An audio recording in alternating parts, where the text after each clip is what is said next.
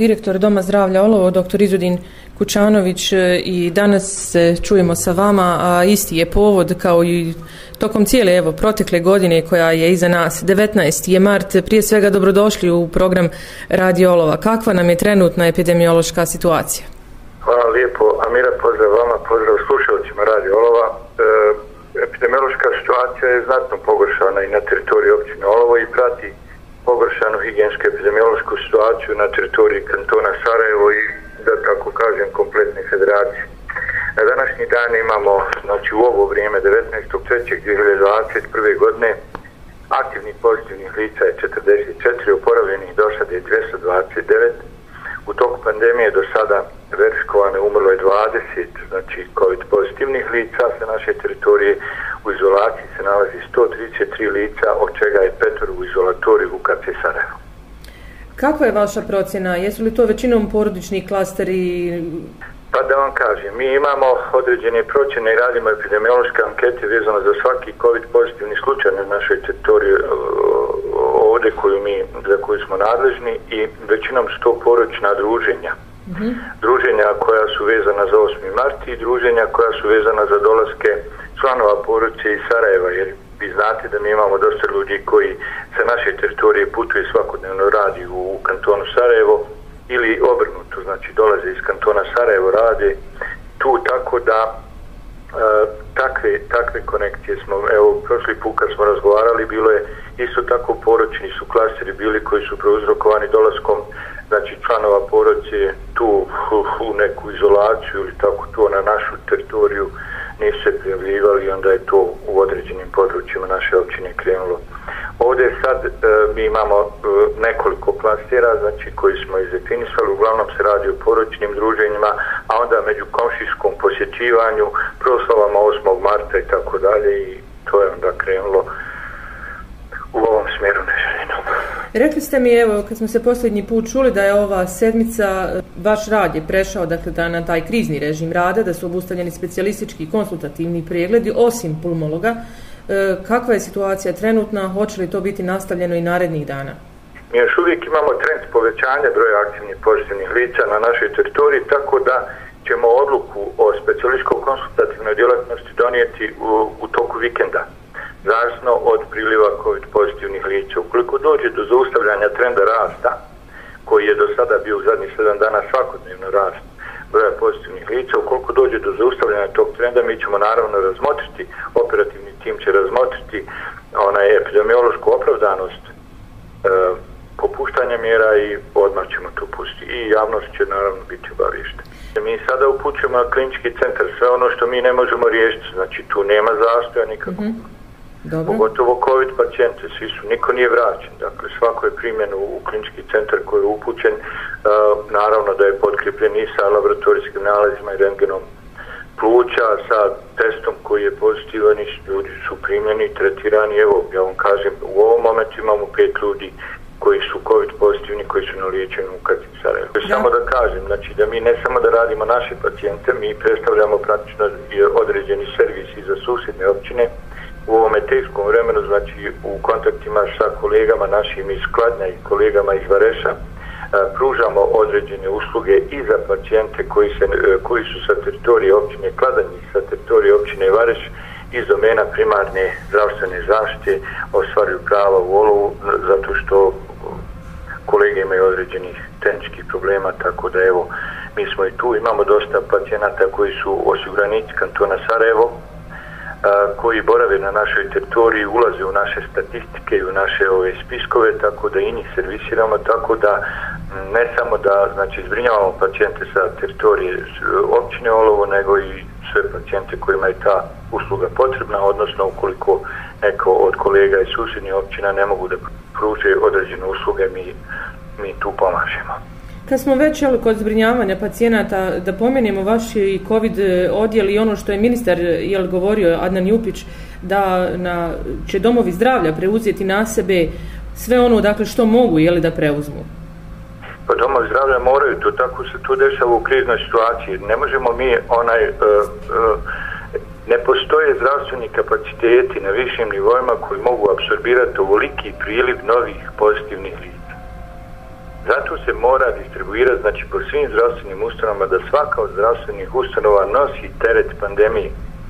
Ako se sjećate, mi smo na općinskom vijeću prije, ne znam, 20 dana ili nepuni mjesec dana imali uh, u, u zahtjev za proširenje djelatnosti pripremajući se za ovo, a poštujući mjere kri, eh, kriznog štaba kantonalnog ministarstva zdravstva u kojima je naloženo da se u svim domovima zdravlja u kojima se može organizovati, organizuju stacionari po principu dnevne bolnice da bi se pacijenti mogli zbrinjavati i da rasteretimo više njegove zdravstvene zaštite koji su uh, opremljeni da pružaju uh, uh, zdravstvenu zaštitu pacijentima koji imaju tešku i životno ugrožavajuću kliničku sliku. Mm -hmm.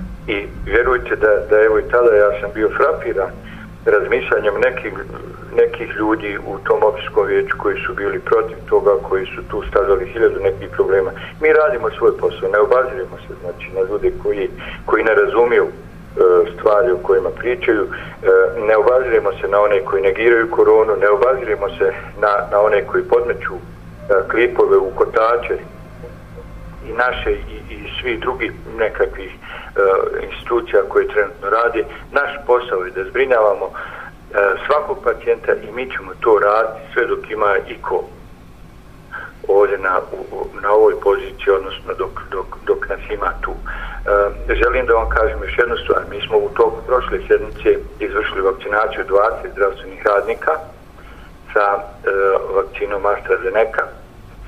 E, danas dobijamo novu turu, e, novu isporuku e, od Instituta za zdravlje i sigurnost hrane istih vakcina i danas nastavljamo proces vakcinacije zdravstvenog osoblja.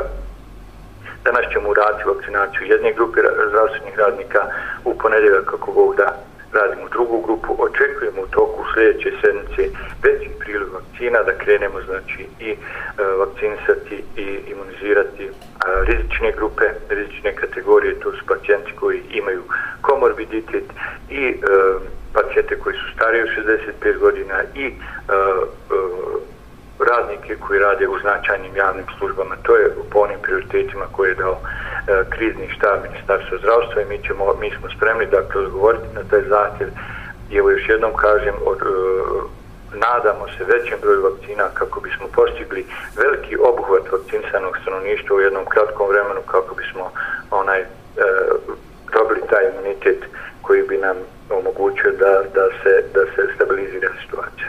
Sve to će se odvijati u krugu prostorija, dakle, Doma zdravlja Olovo, je li tako? Mi ćemo vidjeti, dakle, e, da bi se proces imunizacije uradio po svim pravilima kako to struka nalaže, potrebno je da imamo dobru prohodnost, dakle, da imamo prije svega dovoljan broj, znači dovoljno prostorije E, koje su onaj po kvadraturi odgovaraju u boravku većih broja ljudi kako bi ispoštovali te epidemiološke mjere, ali ono što, što je limitirajući faktor jeste da svaki od pacijenata koji se imunizira mora ostati 15 minuta na posmatranju radi mogućnosti da se da se ne bi slučajno javila neka akutna alergijska reakcija na, na aplicirani lijek, zbog toga mora biti u zdravstvenoj ustanovi.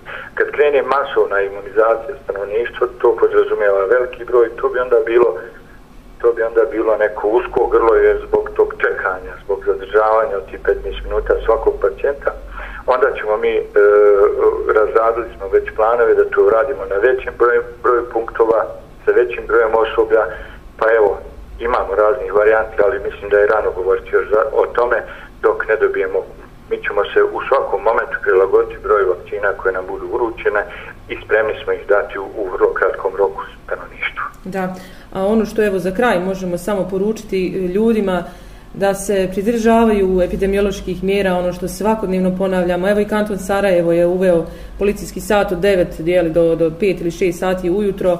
E, ograničeno je kretanje u gostiteljskim objektima, su pojačane mjere kontrole, inspekcije i tako dalje.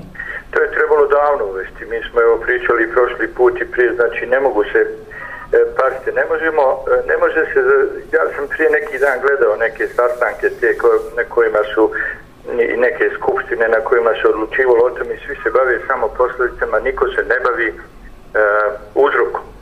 Niko se ne bavi uh, kako iznaći rješenje da se zaustavi prijenos virusa. Ne možemo mi, odnosno ne mogu ni oni, a ni mi i niko, e, e, uh, jačati zdravstvene kapacitete kako bi prihvatili veliki broj pacijenata, to naravno treba, ali prije toga, kao preduvjet toga, moramo poduzimati mjere da spriječimo širenje virusa. Ne možete vi pustiti da rade kafane, da rade restorane, da rade pijace, da radi javni prijevoz bez ikakvih mjera, i samo jačati zdravstvene kapacitete da oni koji se zaraze pritome onaj, e, imaju gdje leći. Naravno, treba jačati zdravstvene kapacitete, pojačavati, e, ali primarno moramo zaustavljati put širenja put širenja prijenosa virusa, obustaviti sva poročna druženja. Evo, za ovo jedno selo koje nam je trenutno žarište, e, e sve se preko kafa i preko 8. marta prednijelo komšijska druženja, onaj kod onoga na kafu, onaj kod onoga, raznesen virus kompletno selo. Njima neće pomoći to što mi pojačavamo bolnički kapacitet. Umjesto da se išlo na to, da se zabrani sve to, da preko mjesne zajednice uspostavimo kontrolu na neki način ponašanja ljudi, da se svakodnevno ljudi obilaze, da im se svakodnevno skreće pažnja i to smo u jednom periodu u prošloj godini imali i imali izvrstan rezultat. Međutim, sve ono što pustite ljudima da rade po savjeti, savjesti oni očito rade onako kako im je lakše, druže se, poručna druženja, po 30 ljudi, mene ja sam dobio slike e, sa nekih druženja koje su mi ljudi slali, e, po 30 ljudi se e, zadržavalo u, u određenom prostoru koji ima 20 kvadrata. I sjede i druže se, piju sokove, kafe, jedu i tako dalje. Evo jutro dobijam informaciju Eh, da je u, evo, blizu nas tu zakazana neko, neka, neka muzika sutra uveći. Znači, evo ja sam zvao određene kolege da, da pokušaju intervensat, da se vidi je li to u skladu sa epidemiološkim merama ili nije, će iz olova ukladanje otići nekoliko ljudi na, tu, na to druženje i mislim zaista potpuno ponašanje za ovakvu stvar. Da, baš tako. Niko nije svjestan trenutka u kom se nalazimo dok mu ne dođe i ne pokuca na vrata očito. E, nažalost. Da, nažalost. Hvala vam puno, e, direktore, na ovim svim informacijama. Želim vam sve najbolje, jer što manje pacijenata, šta drugo. Hvala vam, Mira, želim vam dobro zdravlje vama i slušalcima i evo, čujemo se u zdravljakovog.